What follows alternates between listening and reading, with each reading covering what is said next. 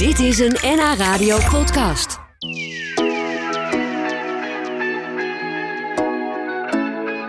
Lijkt wel een spannend jongensboek op zoek naar scheepswrakken uit 1572 in het Amsterdamse ei. Ehm, maar voor mijn gast van vandaag, maritiem archeoloog Wouter Waldus, is dit een, echt een deel van zijn werk, gewoon van zijn dagelijkse realiteit. Welkom Wouter, leuk dat je er bent. Ja, dank. Fijn dat ik eh, mocht komen. Iemand zei al, hè, heet hij nou Wouter Walrus? Maar die, die grap zal vaker gemaakt worden. Zeker, ja, zeker. Want is het nou zo dat jij meer uren van je leven onder water doorbrengt dan boven water? Nou, de praktijk van de afgelopen pak een beet eh, 15 jaar is dat het eh, 30 duikdagen per jaar zijn. En de rest van de tijd ben ik bezig met allerlei rapportages, presentaties, onderzoek, noem maar op. Ja, niet iedereen zal bekend zijn met het fenomeen eh, maritiem archeoloog. Eh, hoe leg je dat uit op een feestje als iemand vraagt wat doe je nou precies? Ja, eigenlijk komt het neer op het onderzoeken van de materiële restanten van de relatie tussen mens en water. Daar komt het op neer. Dus de archeologie van mens en water, daar gaat het om. En dat is heel breed. Het gaat om. eh, ja, het meest bekende zijn natuurlijk de scheepswrakken, maar het gaat ook over bijvoorbeeld verdronken dorpen, restanten van havens, noem maar op. Allerlei materiële zaken die ons wat vertellen over het verleden en de relatie van de mens met water. Dus als jij je werk goed doet, dan, ja, dan hebben we weer een stuk geschiedenis erbij. Ja. En weten we wat zich in Ja. het verleden in ons land Ja, dat is het mooie aan archeologie. Hè? Dat, ehm, kijk, eh, traditioneel gezien wordt natuurlijk heel erg veel vertrouwd op de schriftelijke bronnen. Maar daarnaast is ook de archeologie ook gewoon een bron als iedere ander. En eh, zeker eh, als je het veld een beetje overkijkt, ja, dragen wij heel erg veel bij eigenlijk aan ons mensbeeld en aan onze geschiedenis van de mensheid. Hè, bijvoorbeeld eh, de, de oude geschiedenis kan alleen maar op basis van de archeologie worden verteld. En zelfs de wat jongere geschiedenis, dus de, waar ik me mee bezighoud, dan de, vroeg, de vroegmoderne tijd met eh, scheepswrakken, ook daar hebben wij weer allerlei eh, dingen ontdekt, uitgevonden, die een belangrijke aanvulling zijn op het historische verhaal. Ja, had je dat als jonge jongen al in gedachten? Van daar wil ik naartoe? Of eh, Ehm, een soort ik van had een hele brede historische interesse. eh, Van, de, van fossielen tot de piramides tot de 80-jarige oorlog. En eh, geleidelijk aan werd ik steeds meer geïnteresseerd en gepakt door water en schepen. En toen ook nog bleek dat er een instituut in Nederland was dat zich daarmee bezig hield, ja, was ik verkocht. Toen, daar moest ik natuurlijk gaan werken. Ja, en dat Ja. is dus ook gelukt. Dat is gelukt. Dat is, het heeft mij ook echt wel meegezeten. Het is niet komen aanwaaien, maar eh, ja, ik heb tot nu toe hele mooie dingen mogen doen. En wat bedoel je met het heeft me tot nu toe wel, wel eh, meegezeten? Nou ja, toch een paar keuzes gemaakt. Ik heb een tijd in het bedrijfsleven gewerkt en ehm, daar allerlei eh, ja, archeologische opgravingen onder water gedaan in het kader van infrastructuur. Dat heeft he- hele mooie projecten opgeleverd.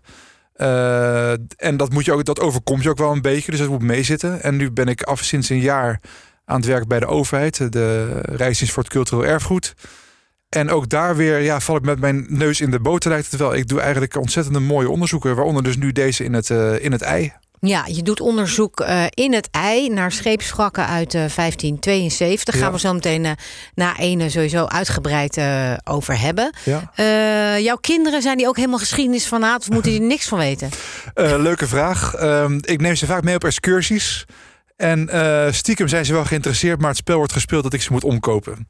Ah, En, eh, oh echt? Ja, eigenlijk wel. Ja? Maar ik denk wel Dus dat en, ze. eh, hoe doe je dat dan? nou, Als dus ze meegaan, krijgen ze dus een beloning. Ja, zoiets. Of dat de excursie ergens eindigt bij een, ik café. wat, zoiets, ja. ja. Maar gra- grappig is wel dat ik bijvoorbeeld, ik, ik doe ook excursies met ze over Tweede Wereldoorlog dingen. En dat blijft echt wel hangen. Dus eh, er, ja, het heeft zeker wel effect. Maar ja, het is niet altijd even van harte, heb ik het idee. Nee. Nee. Ja, soms, eh, of mijn eh, pubers dan, die laten niet direct een reactie merken. Maar dan merk je misschien ook al wel op een laat moment dat ze toch wel heeft geraakt. Hè? Of ik denk het ze- wel. Want als ze eenmaal de, de sites zien, de plekken waar dingen zijn gebeurd, echt zien en er een beeld bij hebben, wordt het veel concreter. Eh laatst afgelopen zomer meegenomen naar Waterloo. Was voor mij zelf ook de eerste keer, maar dat heeft gigantische indruk gemaakt. In één keer wordt het hele verhaal van Napoleon concreet voor ze. Ja. En hoe merk je dan dat het indruk maakt? Doordat ze er nog over praten? Of, eh, Ja, we hebben het er nog over, maar ook de dag zelf, eh, ja, dan daar hebben ze echt van genoten. Ze hebben Ja? echt van, ja, vond ik wel. De- en we hebben alle excursies gedaan die er zijn. Een heel mooi museum, echt een aanrader. En eh, ja, we hebben het er nog steeds over. Ja. Ah, Ja. dus er kwam geen omkoping aan te pas die dag. Deze keer niet, nee. Heel goed. We praten zo meteen verder. Is goed. Gast van vandaag, ik sprak net al even met hem, Wouter Waldus. Hij is eh, maritiem archeoloog en hij doet onder meer onderzoek naar scheepswrakken uit lang vervlogen tijden. Op dit moment onderzoekt hij een blokkade in het Amsterdamse ei. Ja, die blokkade is eigenlijk gemaakt door de geuzen om Amsterdam. Uh, ja, dat moet jij eigenlijk, kan jij eigenlijk het beste uitleggen, Wouter. Maar om Amsterdam, uh, was dat om Amsterdam te isoleren, denk ik. Ja, hè? te isoleren van de belangrijkste vaarroute. Want neem ons eens even mee naar dat moment in de, in de geschiedenis. Nou, we zitten aan het begin van de opstand. Dus de opstand van de noordelijke Nederlanden tegen de, de Spaanse overheersing. En die uh, slag die vindt niet alleen plaats op het water, maar ook op de zee. Nee, nee, sorry, niet alleen op het land, maar ook op het water. Zo moet ik het zeggen. En er zijn dan een aantal schermutselingen geweest hè, op, de, op de Haarlemmermeer onder meer. Het bekende verhaal van Brielen. En uh, Amsterdam was op dat moment nog steeds uh, aan de zijde van de Spaanse koning. En uh, de geuzen die, ja, die wilden Amsterdam graag dwingen om bij de opstand te komen, zeg maar. En hebben toen vervolgens de, het ei geblokkeerd. Want de stad als Amsterdam was natuurlijk volledig maritiem georiënteerd. Alle aanvoer van graan en goederen ging over de Zuiderzee en het, en het ei. Dus ja, als je de stad daarvan afsluit, dan komt die uh, stad in het probleem. En ze hoopt dus te veroorzaken dat die uh, ook bij de opstand aansloot. Ja, en wat is waar jullie nu naar speuren? Ja, dat is een goede. Um, kijk, we zijn bezig met een onderzoek uh, in een gebied waar nog helemaal niks bekend is eigenlijk. We hebben, we hebben een paar bronnen. We hebben een historische kaart uit 1575. Daarop staat aangegeven waar de blokkade heeft gelegen. Um, dat is het smalste deel geweest van het ei, ter hoogte van, van Schellingwoude. En we hebben een aantal historische vermeldingen van uh, geuzen die schepen afzinken op die locatie. Nou, dat is een vrij sterke aanwijzing dat er wat zou moeten liggen. Plus nog is het gegeven, of de aanname eigenlijk is het, dat uh, als er zo'n schip op de bodem terechtkomt, krijg het niet zomaar weg. De bergingstechnieken in de 16e eeuw waren natuurlijk onvergelijkbaar met nu. En uh, als men, vooral als men steen heeft gebruikt bij het afzinken van die schepen, moet er nog wel wat liggen. Nou, dat zijn de uitgangspunten op basis van waarvan wij zeggen: dit is kansrijk om nog wat te vinden van die, um, van die blokkade. Ja, wat zouden jullie in het beste geval kunnen vinden? Nou, het beste geval zou er een, een, een, grafzerk van de kerk van Schellingwoude... die is kennelijk afgebroken voor die blokkade. Dan zou er een, een grafzerk worden gevonden onder water... en die halen die boven water. En dat is natuurlijk heel spectaculair. Dat is een mooi beeld. Maar op zich het vinden van ja, waarschijnlijk een vrij chaotisch geheel van hout... Uh, van restanten van schepen is wel heel erg mooi. Het gaat natuurlijk vooral om, om de locatie echt te pinpointen. Nu weten we heel globaal waar die zou moeten liggen... En nu uh, gaan we allerlei technieken inzetten om uh, hem echt op te sporen. Want ook goed om te vertellen is dus het water van het ei is dus... Je hebt de vaargul. Daaromheen heb je een vrij vlak gebied, vlakke bodem. Ongeveer 4 tot 5 meter diep. En daar zijn allerlei uh, gegevens al van beschikbaar. Dus de hoogtekaarten van de bodem, surveygegevens. En dat is helemaal vlak. Dus er is geen enkel spoor op de bodem dat er ook maar iets zou liggen. We moeten dus technieken toepassen waarmee we in de bodem kunnen kijken... Nou, en die technieken zijn uh, ja, in ontwikkeling. Uh, pak een beetje 20 jaar geleden waren er al begin van die technieken, allemaal gebaseerd op, um, op geluidsgolven.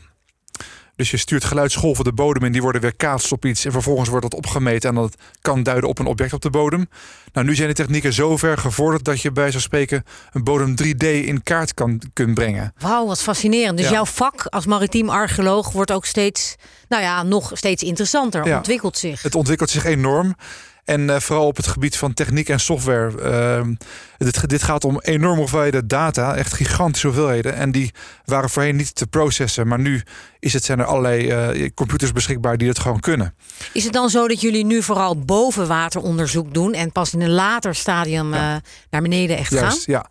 We moeten eerst heel veel onderzoek doen voordat we een locatie kunnen pinpointen. En stel nu dat we een, een bodemanomalie, heet dat dan, vinden. Dus een afwijking in de bodem ja, dan gaan we een gericht onderzoek doen. Dan moet je denken aan duikonderzoek. En dan gaan we met uh, ja, prikstokken, het, spuitlans heet dat dan. En uh, gaan we die bodem afprikken systematisch om te kijken of we op een object stuiten. En vervolgens, als we daadwerkelijk op iets stuiten en we hebben, we hebben het min of meer begrensd. Ja, dan gaan we het proberen gedeeltelijk vrij te leggen. Maar natuurlijk niet volledig vrijleggen, want dat is niet de bedoeling. Gewoon kleinschalig onderzoek om te lokaliseren waar die ligt. Ja. Hebben jullie dan ook een deadline? Of heeft degene die dit onderzoek betaalt gezegd... je krijgt uh, twee jaar de tijd. Ja. Uh, moet het dan stoppen of hoe werkt dat eigenlijk? Nou, de deadline ligt in de geschiedenis.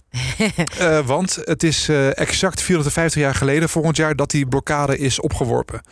Dus het zou heel, ook heel leuk zijn als die op dat moment ook weer wordt teruggevonden. En verder wordt het onderzoek uh, gefinancierd vanuit een programma van de overheid dat tot doel heeft om maritiem erfgoed in Nederland in kaart te brengen.